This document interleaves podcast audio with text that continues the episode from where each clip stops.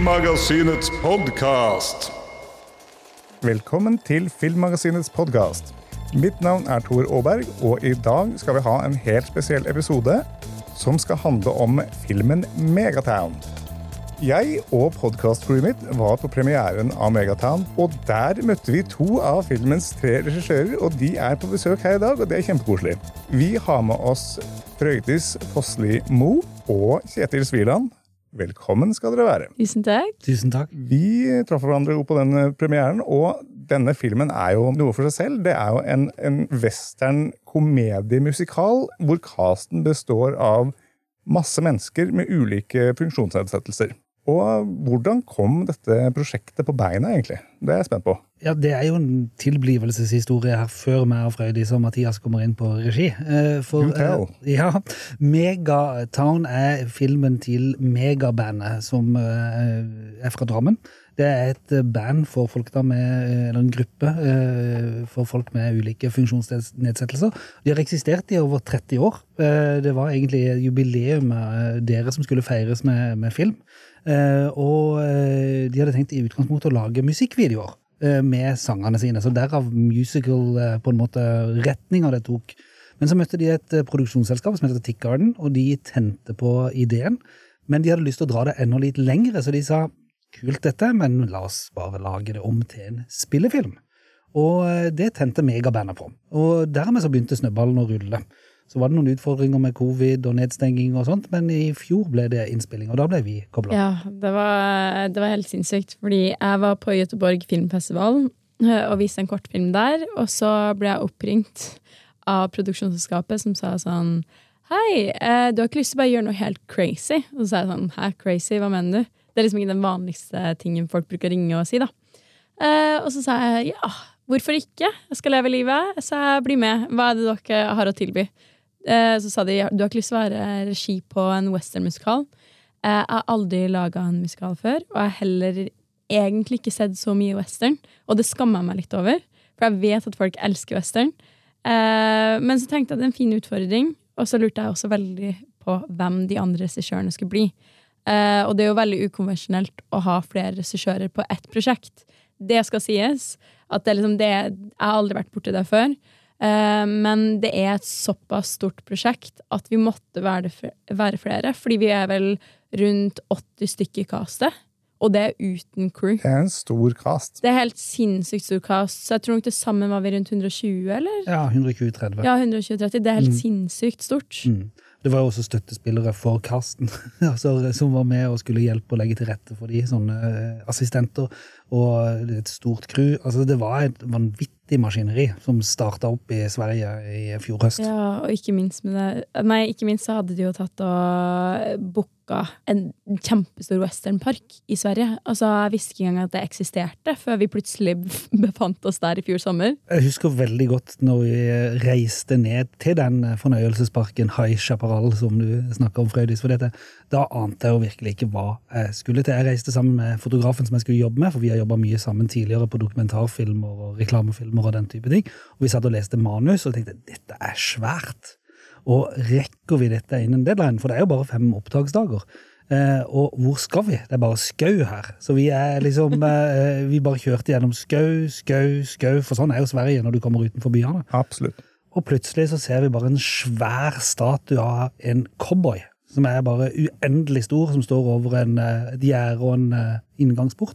Og det er High Chaparral. Og det er jo et univers som ga oss veldig mye. Ja, gud, ja. Altså, vi kunne ikke ha laga denne filmen hvis ikke det her stedet eksisterte.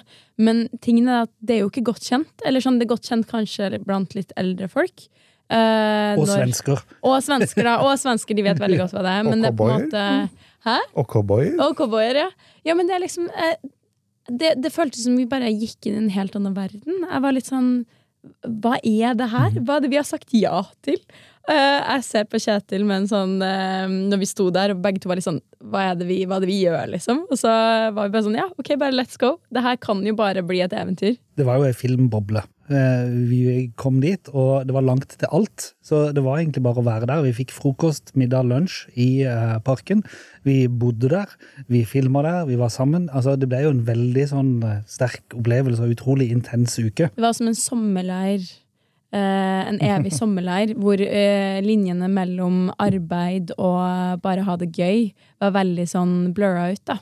Det var utrolig, det var utrolig spennende. Jeg har aldri vært borti noe lignende. Det som var, var jo at alle som var påkobla prosjektet, enten de var med i megabandet, eller var assistenter for megabandet, eller foreldre til megabandet, eller filmarbeidere, alle var veldig investert i at her skulle vi gjøre ha det gøy, og alle skulle yte sitt beste. Så det ble jobba liksom døgnet rundt. Selv, altså, det gjorde jo ikke det, vi, var, vi hadde friår og sånt, men altså, folk tenkte og jobba veldig intenst, og hadde også en veldig sånn innstilling at dette skal være gøy og fint. Det skal være en fin opplevelse også for cast og alle som er med. For dette var jo en stor opplevelse for de å være på en filminnspilling på, som dette. Og det å være på et sett kan jo være litt sånn Det kan være litt, føles nesten litt nifst for mange, selv folk med erfaring. Og det var jo kraner og lamper og svære duker, og det var liksom svært.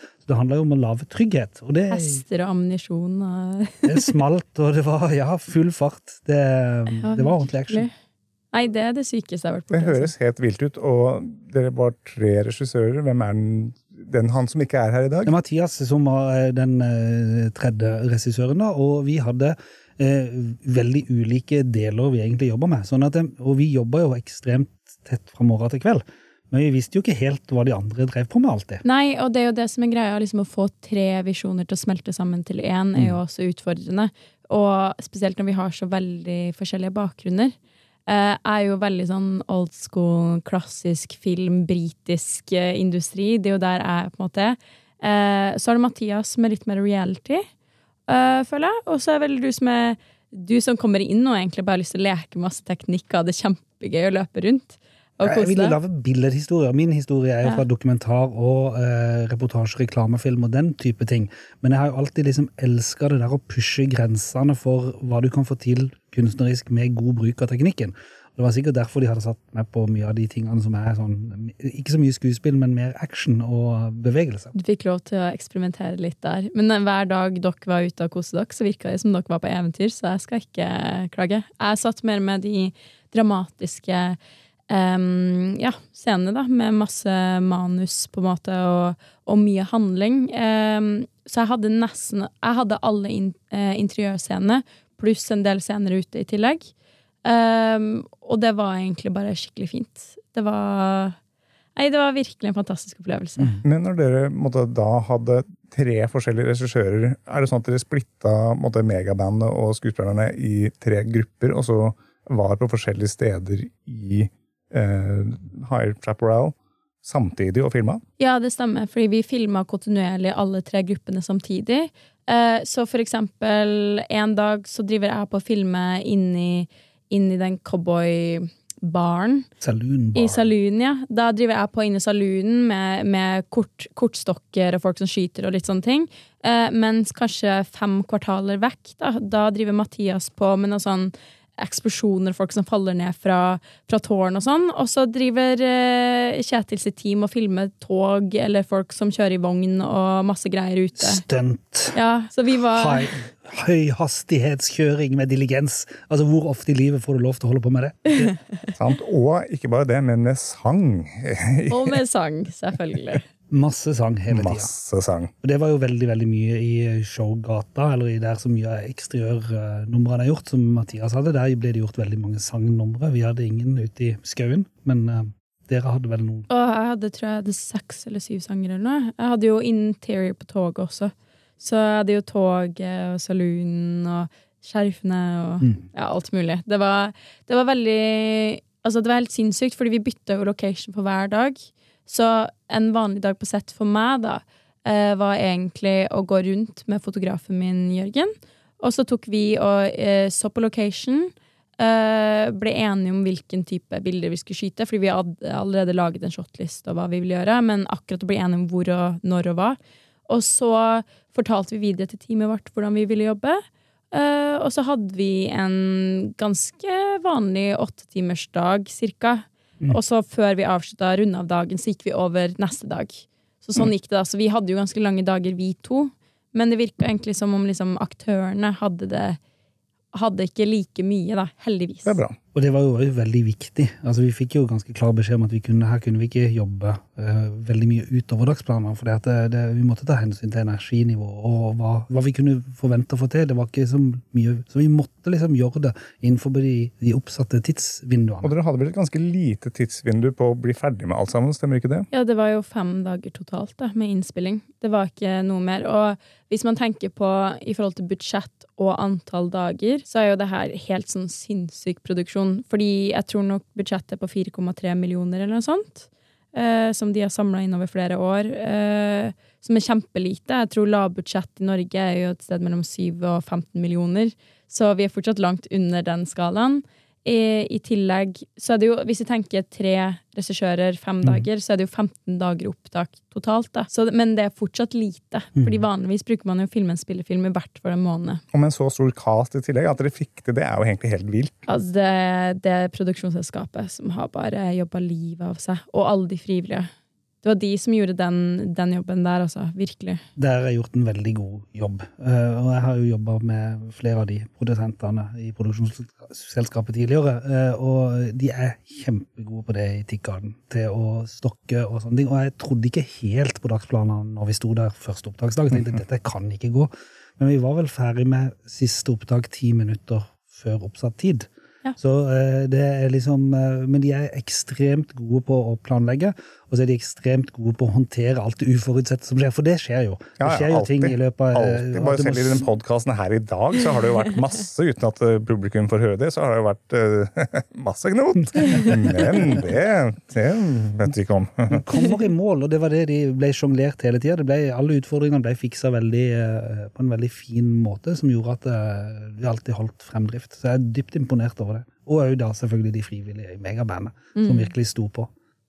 Ja, nei, det var altså virkelig det, det, gikk jo rundt som det skulle. Og så tror jeg også vi som regissører hadde en veldig sånn fin konsensus på at liksom Vi må bare legge vekk egoene våre. Mm. Det her handler ikke om oss, det handler om uh, aktørene som er med, og deres opplevelse, og den filmen vi lager for det publikummet vi prøver å nå ut til. Da. Fordi det her er en film hvor folk som vanligvis ikke kan se seg selv på det store lerretet, plutselig kan være en helt og kan være en love interest og kan være med på intriger og være skurk og alt mulig. Og, og det er det som er i senter og fokus. Da. Det er selve hjertet i mm. produksjonen. Og det er på en måte sånn Jeg personlig ser jo igjen, jeg ser jo ikke så mye westernfilmer, men, men det er på en måte Jeg må gå så langt vekk fra, fra mine egne preferanser, Fordi det er jo ikke det det handler om. Men det syns jeg var veldig gøy når jeg så filmen på premieren. Da var jeg jo kjempenervøs, for jeg så den sammen med barna mine. Og de sa det etterpå at liksom, vi trodde jo på historien. Det var ikke så vesentlig at det var skuespillere med nedsatt funksjonsevne. Det tenkte vi faktisk ikke på, for vi ble dratt inn i universet. Vi skjønte kjærlighetshistorien, vi lo av vitsene. Vi eh, skjønte liksom Vi ble dratt inn i illusjonen. Samme her, må jeg si, og mine andre medbødre i, podkast-crewet. Eh, vi satt jo der og lo og klukka godt. Vi. Altså, fantastisk mye bad, bad jokes og på en måte slapstick-humor, som jeg elsker. Altså, bare han Bøddelen, for eksempel. Elska det. Eh, mye, mye bra humor, og veldig mye hjerte, som dere sier i mm. filmen. Da. Og veldig varm og fin film. på en måte Feel good, og bare ja, veldig gøy å se den. Så dere har fått til en veldig magisk ting der, vil jeg si. Det var veldig hyggelig ja, å høre. Kan dere fortelle litt om historien, sånn at man kan innby til folk å gå og se denne filmen? Det er, jo, det er jo veldig mange små historier fordelt utover en ganske stor verden, da. Eh, men eh, hovedsakelig så er det jo et par skurker som prøver å stjele de magiske urtene, sånn at de kan synge fint. Eh, og så klarer man jo på en måte da å stoppe det her gjennom en haug med helter og litt intriger. Eh, ganske mange som dør, egentlig. Ja, det er overraskende. Ja, veldig til dels overraskende dødsfall. ja, det er en del dødsfall i denne filmen, ja. Eh, men det er altså, som sagt, det er jo helt gigantisk kast, så det er jo veldig mange småhistorier. Mm. Eh, men vi har jo hovedsak liksom, i fokus eh, altså helten, altså hero, eh, og he, hva, he, heroine. Ja, heroine. heroine. Uh, som da klarer å redde dagen uh, en gang for alle. Og der er også en kjærlighetshistorie. Sånn at her er det Gladvold, jeg vet ikke om det er lov til å si eh, lenger. Eh, hu humor eh, Mm. og kjærlighet og action. Så det er, det er mange elementer som folk liker å se på film, som er pakka inn i med en del musikalnumre innimellom. My- Mye av det, og Ja. det, det, det er gøy. Ja, så det er egentlig en, bare en klassisk heltehistorie. Mm. Ja, rett og slett. Mye fine og morsomme scener i den.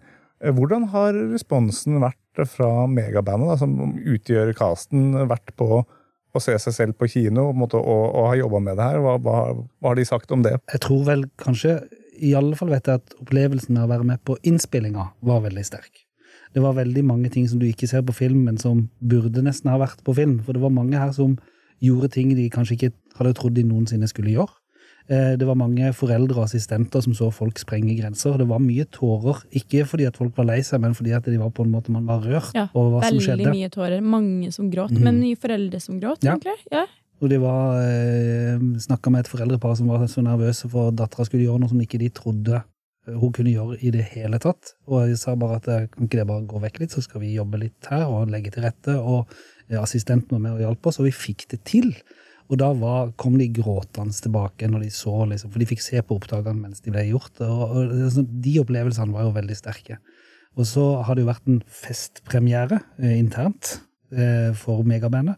Og der var det jo helt åpenbart at de var kjempestolte og glad for å se seg sjøl. Og det, var jo, altså, det, det er en viktig film for veldig mange, dette her. ja, det var, det var mange som gikk opp og holdt taler Mm. og var veldig stolte. Ja. Mm. Jeg tenker jo litt på sånn Når, når jeg gjorde den ene kjærlighetssangen, det var meg, eh, da sto jo hun, heroine i vinduet og sang mens hun holdt på et bilde av Hero.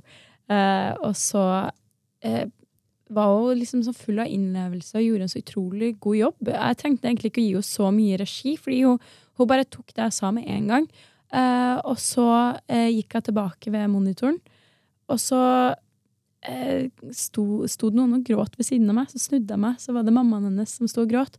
Og så sa jeg 'går det bra, har du det fint, har det skjedd noe?' Hun bare 'nei, jeg har bare aldri sett dattera mi sånn som det her'. Og da forsto jeg jo liksom at uh, det er et så mye større prosjekt enn noe jeg har vært borti før, da. Fordi det, det er bare Det er så viktig for de som er med, da. Og veldig viktig for de som ser på. Så fint å høre eh, og rørende. Det- Så bra! Og Lucky Good Luck, som du gjør når hun synger før hun skal ut i duell, det er jo kanskje det sterkeste sangnummeret siden eh, Så som i himmelen. Det er, altså, det er så intens det når hun står og synger inne og gjør seg klar til hun skal ut og gjøre en jobb for eh, samfunnet.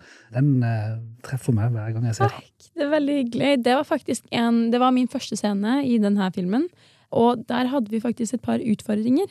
Og det var jo det at eh, Det jeg la merke til med mange ikke-skuespillere som var med her, da, er at de, de sleit litt med, med å leve seg inn helt, fordi når jeg ga de regi, så, så ville de hele tida sjekke om jeg godtok det de gjorde. Mm. De så uh, etter validering fra meg. Mhm. Så jeg tror nok jeg brukte monitor kanskje 20% av alle tagningene. Jeg endte om å stå ved siden av kamera, så at uh, når de så mot kamera, så så de egentlig på meg.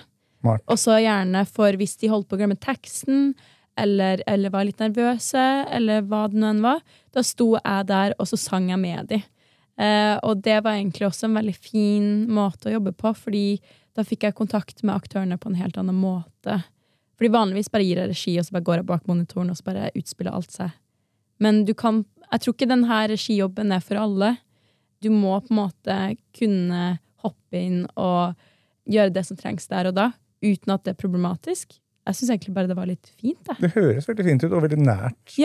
Det var veldig, veldig veldig fint. Jeg, jeg lærte utrolig mye av denne produksjonen. Virkelig. Mm. Folk er folk. Folk er folk. Ja, når du Mm. møter dem, og det handler om å liksom få ja, greie å få en tillit med, med de du jobber med, og dra i samme retning. Da folk er folk. Kjetil, jeg husker du fortalte meg kort eh, om en sånn liten eh, spenningsscene som utspant seg eh, under innspillingen innspilling, og når du skulle scoute litt locations. Kan du fortelle litt om den?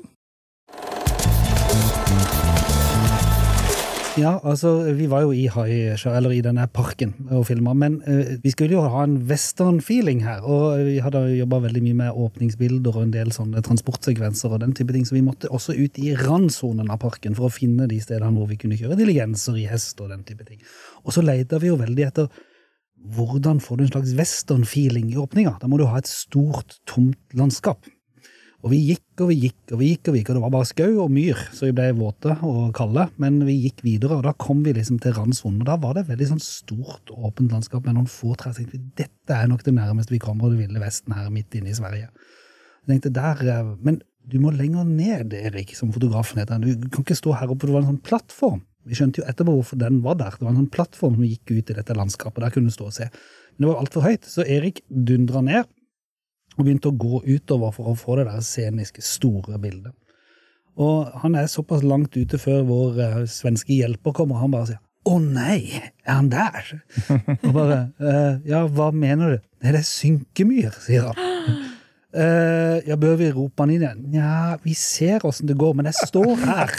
For det gikk en historie om en cowboy uh, som hadde hatt kjærlighetssorg. Det er jo vanlig at cowboyer har, det har blitt mange gode låter ut av det. Selvfølgelig. Det Ja. er ikke cowboyfilm uten kjærlighetssorg. Men det var en cowboy da som var i, i parken og hadde kjærlighetssorg, og han gikk ut her for å bearbeide å være alene. Og så sank han jammen gjennom, eh, ned i myra, og eh, mobilen gikk tom for strøm, og det var drama de luxe, og de fikk liksom redda han opp i siste øyeblikk.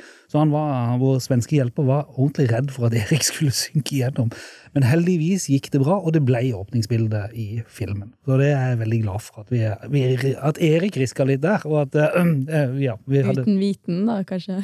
ja, vi visste jo ikke. Men det, var, det er verdt å pushe for de gode bildene. Ja, da. men det bildet, akkurat det bildet du snakker om der, det er helt sinnssykt. Jeg, fordi jeg har jo ikke sett eh, Vi hadde jo ikke dailies etter vi var ferdig å skyte for dagen, så vi ante jo egentlig ikke hva hverandre drev med. Så jeg fikk jo først se den, det åpningsbildet på premieren, og så var jeg sånn shit, det ser helt sjukt bra ut. Det, vi er ikke i Norge, eller vi er i hvert fall ikke i Europa lenger. Vi er, hel, vi er i USA, vi. Eh, det var det jeg følte når jeg så på. Så det er, helt, eh, altså det er jo så heldig at dere fant det stedet. Det var noen ti timer med trasking, men det var det verdt liksom, å bruke kveld. Og vi måtte jo liksom lete etter de der tingene som vi skulle prøve etter. Men vi hadde jo sett oss opp på en del cowboyfilm i forkant, så vi visste jo litt hva vi hva må du prøve å ha for å treffe sjangeren. Eh, både på sånne store bilder, men også på lys og sånne ting. Og det er jo den stallgudsscenen er jo en sånn veldig guilty pleasure for meg. For vi hadde sett mye på det der harde lyset og svart, og altså at det er lys, ikke lys, og, øh, og, og, og blikk og sånne ting. Og da var jo spent på om vi fikk skuespillerne med på det, men de jo liksom, de skjønte jo veldig den der skurk-helt og hvordan de skulle spille ut rollene. den en scene helt uten ord. Eh, Men der treffer vi òg med lyset, og var ganske, vi var et lite team, meg og, og Erik. Eh, Men vi hadde litt lys, og nok til å få det der liksom, Der følte jeg der var vi inne i westernmyten. det, det, liksom, det er min eh, personlige sånn lille, sånn, Den smiler jeg på hver gang jeg ser det. Absolutt. Det var ikke sånn at jeg tenkte å, nå er de i Sverige overhodet. Jeg tenkte, tenkte jo som sagt, at det var eh, true western, så det, det funka bra. Jeg har jo spilt inn litt western både i uh, spagetti-western i Sør-Europa, og det er vel også spilt inn western i Danmark, så, uh, men nå også i Sverige. Ja, ja, ja, ja, ja. Sverige byr på seg selv. Ja. Hva tenker dere at publikum skal sitte igjen med etter å ha sett den filmen her? Glede. Og, og latter. Ja. Jeg ler kjempemye når jeg ser den. jeg. Jeg koser meg så mye. Det gjorde vi òg, egentlig, når vi satt og så den. Både glede og latter og varme. liksom. Det er det vi satt igjen med. Mm. Ja, for det, det er ikke en sånn film som du skal se og overanalysere, eller virkelig dypdykke inn i handlingen. Du skal bare sitte der og kose deg. Det er rett og slett en popkornfilm. Ja, det er en Ja. popcornfilm. Det er det det er. Og jeg tror også Altså, det er jo ikke det er jo, Vi prøver ikke å nå ut til en målgruppe som er mann på gata. Det er jo ikke der vi prøver å nå ut med denne filmen. Men jeg tror at, at faktisk mannen på gata hadde satt pris på den. Og syns det har vært veldig morsomt å Det se er, på. det er masse glede. Og det er jo liksom en litt annerledes film i en verden hvor veldig mye er gjennomanalysert lenge før du har begynt å filme. Eh, Så er det en historie som byr på noen overraskelser. Eh, Absolutt, det kommer Litt annerledes. Eh, og som også kan glede folk. Eh, Det er en annerledes filmopplevelse.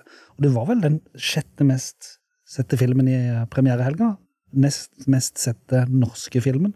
Uh. Eh, ifølge det jeg hørte fra produksjonsselskapet. Det er jo kjempegøy, så jeg håper jo at kanskje liksom folk begynner å mase om å få se Megaton på kinoen sin, for jeg tror det er flere kinoer enn det som allerede har satt den opp, som kan sette den opp. Jeg hørte sist 54 kinoer som har satt opp visninger av den. mm. Og det er også helt Eller det er 54 visninger satt opp. Jeg vet ikke om det er 54 kinoer eller ikke, men eh, i hvert Jo, det er, det, Er det det? Ja, Jeg det, tror det er over 100 visninger. Så bra. 100 visninger, ja. Ja. Ja, ok. Ja. Nytt, ny informasjon for meg også. Ja. Ja. Det Det helt, det er men det er jo helt sinnssykt. Det er jo kjempekult. Altså, jeg blir, jeg blir genuint glad når jeg hører det nå. Ja. Forhåpentligvis coming soon to a town near you. Altså, Yeah. Jeg håper at det er som, Ja. Megatown to your town now, soon. ja. Kommer det noen oppfølger? ja, Jeg visste det egentlig, for jeg, jeg på hørte det TV. Hæ? Det har ingen sagt til meg! Nei, ah, dette, har du ikke? Nei! Nei, Oi, breaking news! Vi- vi- Ja, jeg har tydeligvis ikke fått med noe som helst. Der. Det kommer en nummer to! det Du er så en oppdatert, Kjetil. Ja, men altså, dette var, det var jo uh, I forkant av premieren så var det jo noen innslag i media, og der ble dette snakka om. Og så ble det også snakka om uh, Her var på God morgen Norge. Snakka de om det der? At Ja. det kommer en toer? Ja. nevnte det også like før filmen, faktisk. like Men, men da hadde du akkurat dratt. Da hadde jeg akkurat dratt. for å filme. Ok, vet du hva? Jeg vet hvem jeg skal ringe etterpå, for å si det sånn. Så jeg håper jo og tror at eh, vi tre bandidos i registolene får lov til å komme tilbake. Jeg håper iallfall det. Det hadde vært kjempegøy. Men det er planer om å lage en oppfølger, tror jeg, til neste år. Så du. Herlighet. Vet du, Det hadde vært så kult hvis vi kan si at vi har en Altså, vi er en del av en franchise, liksom. Vi er, Og hvis dere kan komme tilbake på liksom, runde to og en podkast om, om Megatown ja, ja, det hadde vært så hyggelig! Ja, ja. Ja. Og så håper jeg jo at alle vi tre kan være med. Det hadde jo også Vi har jo blitt en liksom trio. vi har det. det, det altså, du, har, du har noen regissørduoer, men det er ikke så mange regissørtrioer. Så der kan vi på en måte ta en posisjon globalt, kanskje. Ja. Syns dere skal det? Jeg syns det. dere er innpå der. Sementere den, liksom. Ja, ja. Nei, men det er Altså, jeg vet ikke. Jeg har veldig troa på det her prosjektet. Og jeg, jeg tror at, at den kan være med på å utgjøre en forskjell. Da. Rett og slett at uh, det med representasjon er så utrolig viktig. Jeg tror man liksom tar det litt for gitt fordi at vi er norske folk som ser folk på lerretet som ser ut som oss til enhver tid. Mm. Eh, så man, man glemmer det litt. Men altså, for eksempel, jeg satt i går jeg driver på å lage en shotlist til en annen film nå, og da bare satt jeg og scrolla gjennom Shotdex med en sånn side som regissører sitter på. Og da er det liksom 99% av bildene som er der, er nummer én hvite, nummer to kanskje en alder mellom 20 til 40, eh, og nummer tre i ganske like universer, da. Så, så um, det at man kan mikse det opp litt og tilby noen nye sjangre og nye folk foran lerretet, syns jeg jo bare Ja, jeg tror, jeg tror man ikke er klar over hvor mye det har å si før etter vi har hatt alle de her visningene da, og får ordentlig tilbake. Jeg tror det er en viktig film, altså, nettopp for det du snakker om der. Og uh, kulturministeren har jo kommentert den før han ble ferdig, eh, og ble forespurt om eh, av NRK. De lagde en sak om eh, filmen, og at det var Norges første, kanskje verdens første, med en sånn kast. Og da sa hun eh, at hun gleder seg til å se han. Så jeg gleder meg jo til hun snakker om nå hva hun syns om filmen, for jeg håper jo hun ser han. At, vi må invitere henne på visning. ja, Trettebergstuen, kom på kino med oss. Ja, Gjør det. gjør det. Gjør det. gjør det.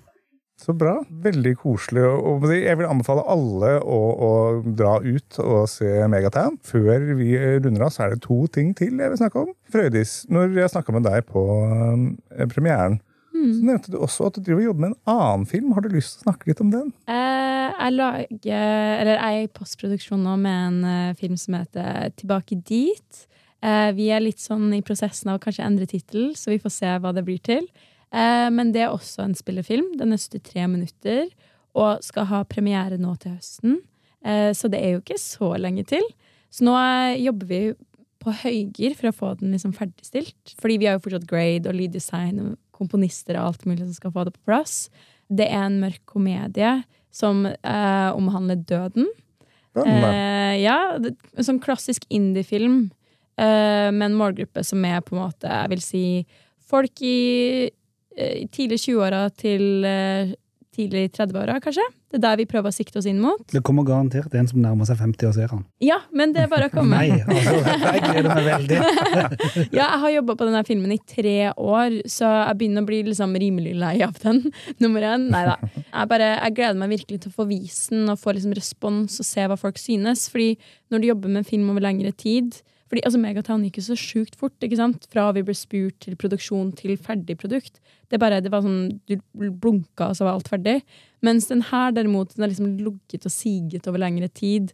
Så jeg nå begynner jeg å tenke sånn Er det bare jeg som elsker denne filmen, eller kommer også publikum til å elske den? Man blir litt sånn, jeg blir sånn nervøs av å Mm. vise den. Det er sånn, fordi det betyr så mye. da. Jeg har så lyst til at folk skal elske den like mye som jeg elsker den.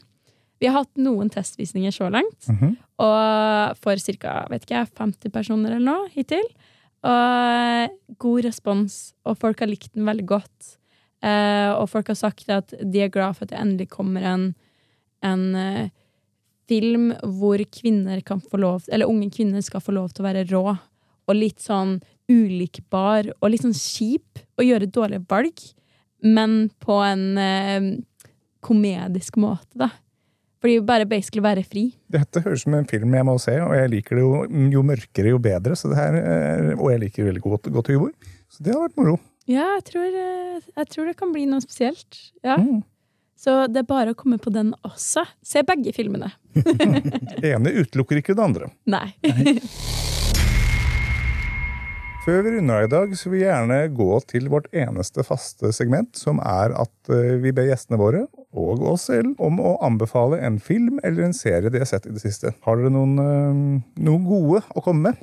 Ja, jeg har faktisk sett på eh, Love and Death på HBO, som fikk skikkelig slakt av NRK. Den fikk toer, som jeg ikke forstår. Eh, det står sånn den er kjedelig, og den langtekkelig, og liksom bare den er Ja, de sa ikke fine ting om den serien. Eh, og så var jeg litt sånn, vet du hva, jeg skal gjøre opp min egen mening, så jeg satte meg ned og så på den.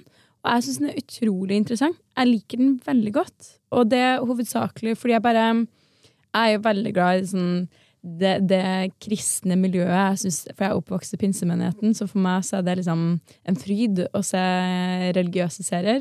Eh, og så syns jeg også det er så fint, fint og tilbakeholden serie. De er ikke sånn, de går Alt bare um, føles litt mer ekte fordi de tar seg tiden til å komme dit det skal. Uh, det, er jo, uh, det er jo på en måte en krim, men egentlig ikke, fordi du vet jo hvem som har gjort hva til enhver tid. Men den er veldig Den er veldig Det er sånn Hva kan jeg si, da? Den, den er veldig sånn um, eh, Den er veldig god på å holde tilbake følelser. Og det det, det, det at den alltid liksom holder noe tilbake, og at den er så utrolig Det er så strengt univers som de har ramma det inn i, syns jeg er veldig fascinerende å se på. Eh, jeg syns ikke det trenger noe mer action eller gå noe fortere. Jeg koser meg med det slowe universet. Veldig, veldig gode skuespillet Og også de sære karakterene som er med. Jeg tror jeg kan kjenne meg igjen i det du sier. Nå har ikke jeg sett den serien, eh, men jeg så jo og anmeldte jo Det snakka jeg faktisk med deg om på premieren, den Bow is Afraid, som er tre timer lang. Mm. Og jeg har sett veldig mange andre syns den skulle vært uh, kortere. Jeg er ikke enig. Det er ikke alt må ikke være kjapt og kryssklippa og sånn. Eh, ting kan være slow cooked av og til. Det er greit. Ja, jeg har, har en sånn slow periode nå, for jeg sitter også og ser på Marriage Story, og det er lange episoder. det. Men Mhm. også veldig, veldig eh, liksom samme Jeg tror episodene jeg vet ikke, er over en time per episode.